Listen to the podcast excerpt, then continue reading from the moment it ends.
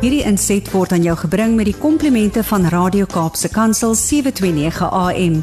Besoek ons gerus by www.cape pulpit.co.za. Thanks, Heinz. Here's a lady who was singing along.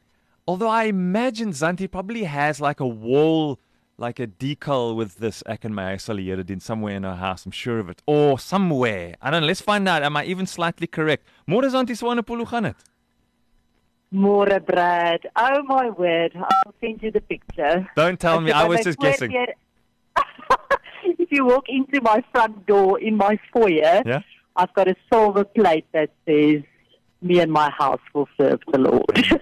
Amen. And I'm I I just it felt like a Zantie thing to have in the house. Ag, absoluut. Dit is net so precious and it's even more precious because Heinz sang that song and um, Heinz and myself and Aletta are good friends and um, yeah, how what a big blessing they are to everyone as well. True that. But that is a beautiful song and on that note Mhm. dat ek in my huis sal die Here dien. Wil ek ver oggend ja net regtig ek het iets so swaar op my hart om om God se hart.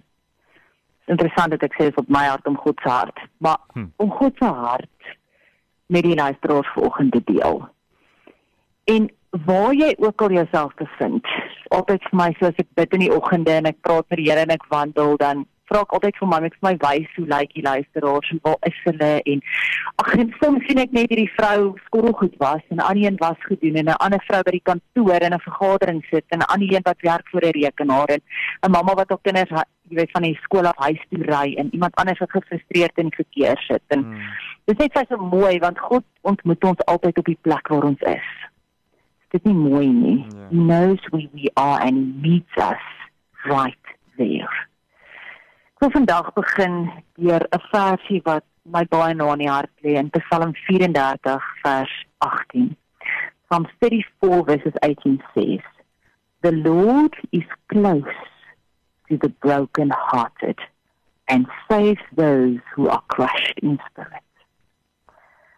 Sometimes we feel that we must always be strong, we must always be okay, and we must always just go out there and, and just be everything the world expects us to be.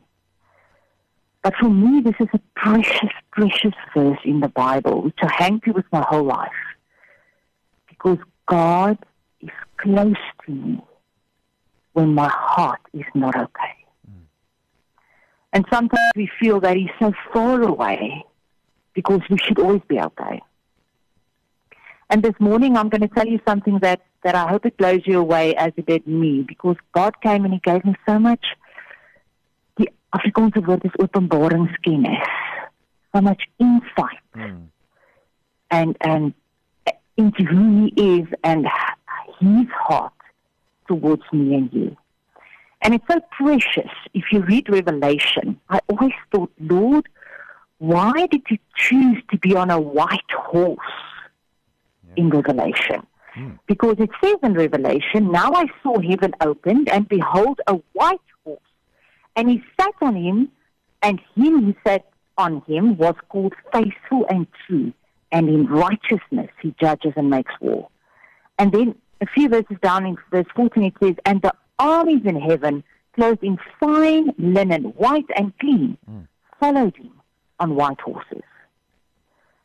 So there should be something special about horses, and I don't have to tell you that because we all know that. We know that when children suffer to learn or people have suffered severe trauma, they go to somebody who helps them, and horses is many times part of that healing process.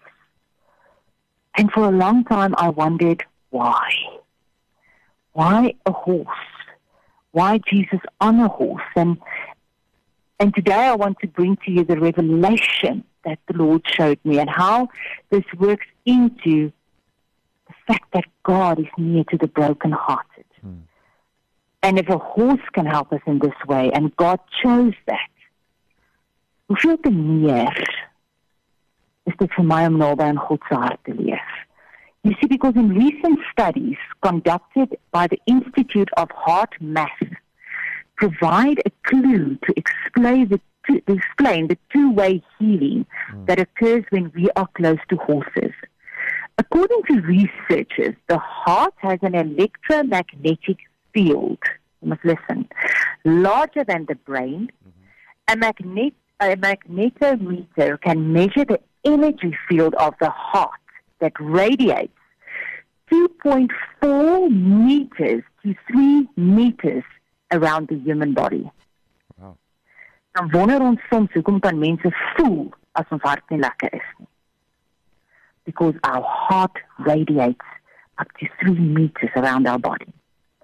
While this is certainly significant, perhaps more impressive that the el- electromagnetic field projected by the heart of a horse is five times larger than that of a human being. Oh. Imagine an electromagnetic sphere around the horse, and it can influence straight into our own heart rate. Horses are also like they're also likely to have what science has identified as a coherent heart rate, heart rate pattern that explains why we can feel better when we are close to them.